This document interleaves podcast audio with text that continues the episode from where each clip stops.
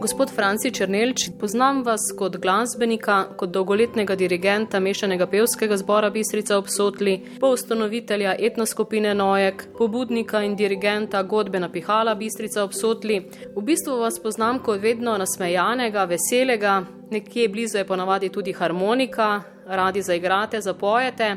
Veliko sem že naštela, pa je to samo kanček vašega ustvarjanja. Ta ljubezen do glasbe je morala biti prirojena. Domnevam, da vas ljudska glasba spremlja od otroštva. Verjetno pa se bolj spomnite, kdaj ste prvič sprejeli v roke harmoniko. Glasba me spremlja res od rojstva, domače petje. Harmonika je bila pa na vrsti v drugem razredu osnovne šole, ki je oče opazil, da nekaj bo treba otroku kupiti, ker sem tako občudoval strica. Dva strica sta igrala harmoniko in smo v praznih srečanjih eh, zraven prepevali, tudi plesalo se je in jaz sem bil s to glasbo že kar dost zasvojen.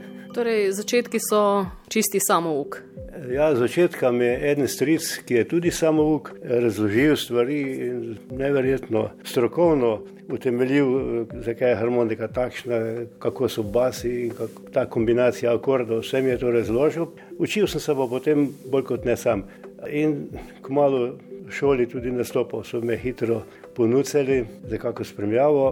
V glasbeno šolo sem pa šel bolj pozno, ko sem bil v višjih razredih in potem sem naredil nekaj letnikov harmonike. Ja. Omenjala sem vas kot dolgoletnega dirigenta mešanega pevskega zbora Bistrice obsotli v bistvu 25 let. Ja, zdaj pa že 15 let ne več, to se pravi, leta so tukaj. Ne vidiš dolga doba 25, ko gledaš nazaj, se ti pa ne zdi. Ostanejo pač spomini na najlepše dogodke in se ti zdi vse skupaj kratko in lepo.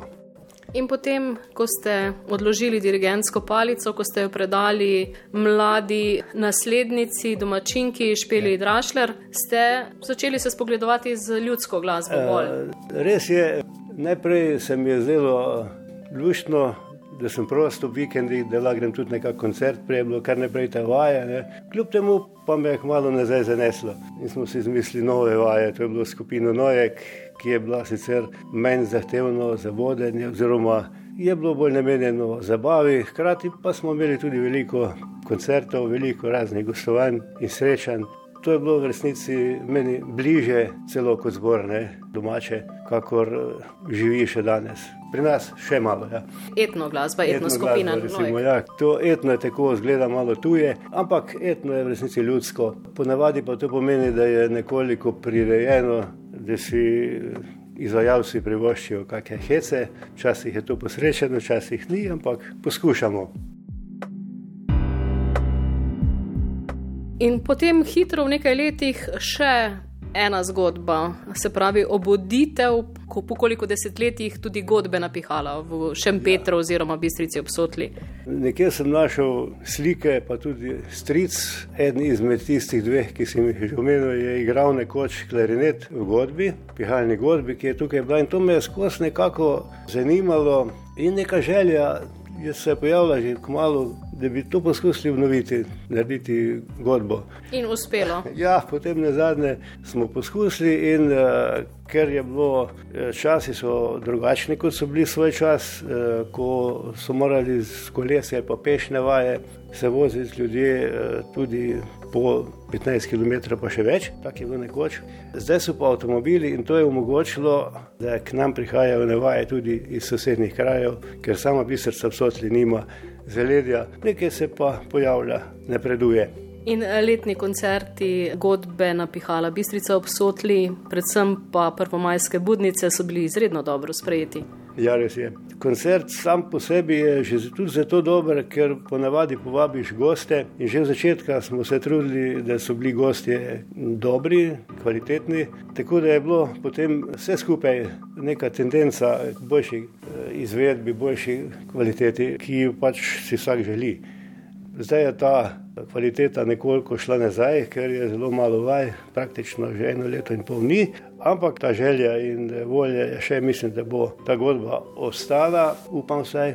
No, tisti prvi začetki, ko smo govorili, so bili pa pred drugo svetovno vojno, imamo tudi slike, deset ljudi, ampak za tiste čase to bilo običajno, da te godbe podeželske niso bile zelo številčne. Ampak čisto, čisto prva prednica te godbe je pa skoraj 200 let nazaj.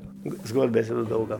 Seveda tudi skladate, imate že kar niz skladb, pesmi, tudi nekaj izdanih del, pesnite torej. Ste organizator kulturnih dogodkov, prepletate nekako to vašo kreativnost. Res je, ja.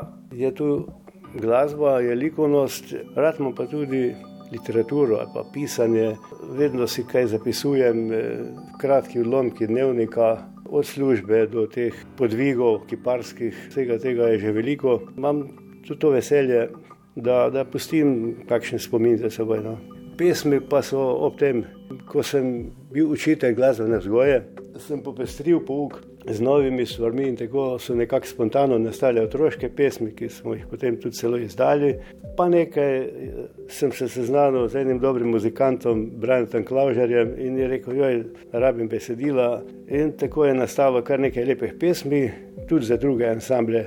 Ampak to se pravi, je bilo že nekaj let nazaj, zdaj, zdaj ravno plodovit kot pisec nisem, pač pa prepisujem stare stvari.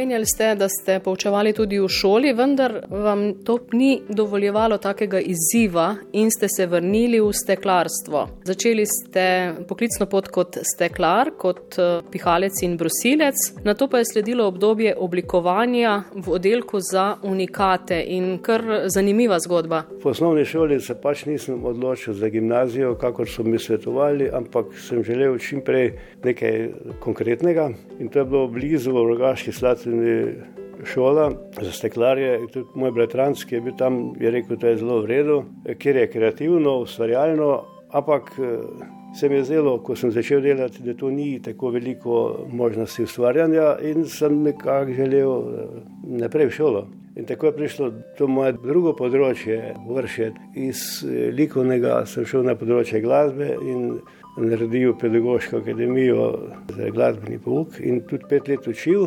In se potem vrnili spet? Ja, ampak zanimivo, da me pa nazaj in takrat se je tudi steklarne nekaj eh, bolj napredovalo, časi so bili naklonjeni.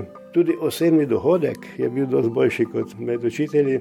In tako me je nekako nazaj, so me tudi vabili, ker so rabili za nek novo nastajajoči oddelek unikatni kreativnega ustvarjalnega steklarja. In tako sem dobil ogromno priložnosti za to, da sem ustvarjal in sem bil tu v bistvu zelo vesel in srečen, zadovoljen s takim delom. In vaši izdelki in izdelki vaše domišljije, bi lahko rekli, so dosegli tudi protokolarna darila po svetu. Ja, zanimivo, da so včasih tudi čisto samo inicijativno. Moja lastna ideja je bila toliko zanimiva, da so se stvari uresničile včasih skoraj res umetniške in tako bi rekel eh, nekaj posebnega. Skupaj smo delali seveda eno malo večja ekipa v okviru steklarne oziroma obrata v Kozjem tukaj blizu in eh, dosegali smo res odlične ocene. Nekako pa ste potem iz tega krhkega stekla prestopili še eno drugo področje in to je v bistvu kiparjenje in ustvarjanje v velikem mediju, v skalah praktično, večtonskih kosih kamnov. Kako pa se je ta zgodba potem začela? Ta eh, likovnost in ustvarjanje, pač glasbo in likovnost sem imel od malih nog. To me je vedno pritegovalo prostem času sem včasih eh, kaj ustvarjal, tako bi rekel za sebe. No, in uh, ko sem že naredil akademijo pedagoško in sem že bil v šoli, me je pa nekdanja eh, kolegica iz šole, pa sošolka, prijavila, rekla, ti bi moral biti, eh, ker si tako likovno, ona bila na likovnem področju. In sem večkrat eh, smo sodelovali. Ne. Ti prijavi se tu, imamo eno formo vivo, blizu slovenske bistrice, v Makalah. In se, da vidim, kako se dela, bom poskusil, ne, čeprav sam sem že delal tudi s kamnom, prej nekaj tako eksperimentalno. In uh, sem se prijavil z enim takim zahtevnim projektom. Velik kamen je bil, tako da so organizatorji rekli, da se to ni mogoče v petih dnevih kaj narediti z tega, ampak je neverjetno uspelo.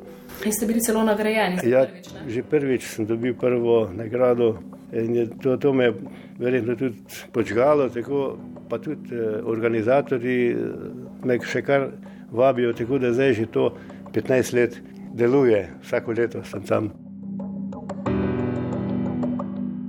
pa potem še recimo kamen časti ob domači občini Bistrica ob Sotli, pa velik ogromen slomšek na bližnjih eh, svetih gorah. Pa Aškrcu pod sredi, gledala sva fotografije, ne vem, spomnim se Lipicanca, vse žani, izredno veliko imate teh skulptur. Ja, ne bralo se res tega, ker eh, če pravim 15 do 20 let ukvarjanja, pa včasih dve na leto, večji stvari. Res nekako zadovoljno gledam to svojo, ta svoj opus. Pa tudi drugi vidim, da radi pogledajo. Včasih se tudi zapeljamo, kakšno ekskurzijo, tega je že v različnih koncih Slovenije. S kamnitimi skulpturami puščate pečate po vsej državi, nekaj tudi čez mejo sva se pogovarjala, ob tem pa seveda vse to ustvarjanje, o katerem sva govorila, vaje, godba, te etnoskupina Nojek. Mes ste še, še malo spopadali z občinskimi insignijami, domače bistrice obsotli, pa še s čim verjetno. Kaj ste počeli zdaj v tem času, ko nas je epidemija nekoliko upočasnila, ko kultura zelo trpi, ko ni vaj, ko ni nastopov? Nekaj smešnega. Doma je ogromno dela, ki ga recimo, prej nismo opazili. Ne. Eh, med drugim moje veselje do zgodovine, tudi shranjevanje raznih eh, gradiv, ali sem sam ustvarjal, ali sem shranjeval. In doma imam eno sobo, ki jo zdaj pospravljam, priprave so pa trajale približno pet let. Tako da mi je ta čas kar dobro poslužil. Bo to spominska soba ali bo to ja, ja. muzejček ali kaj? Nekaj podobnega, neka zbirka, pač nekaj bo ostalo od vseh teh raznih mojih dejavnosti, objav in vsega, pa notnega gradiva, ne vem, težko opišem ogromno, neverjetno. Veliko dela in ja. izzivov, še pravite. Tako da časa ni bilo nič preveč. Je pa časa verjetno bilo nekoliko več, da ste mogoče zapeli in zaigrali v družini. Z ženo ja. sta skupaj nastopala eh, štiri sinovi, ki so tudi nekako podedovali ta talent. Ja, vsi smo malo udarjeni na to struno. In me kar veseli, ko vidim, dva sina sta tudi v glasbi aktivna. Ženo pa tudi rada se pojema, zelo težje se slišite, glas je malo prizadet, ampak to je ta zimski čas. Najlepša hvala in verjamem, da bo še veliko priložnosti tudi za petje. Ja, upajmo, hvala.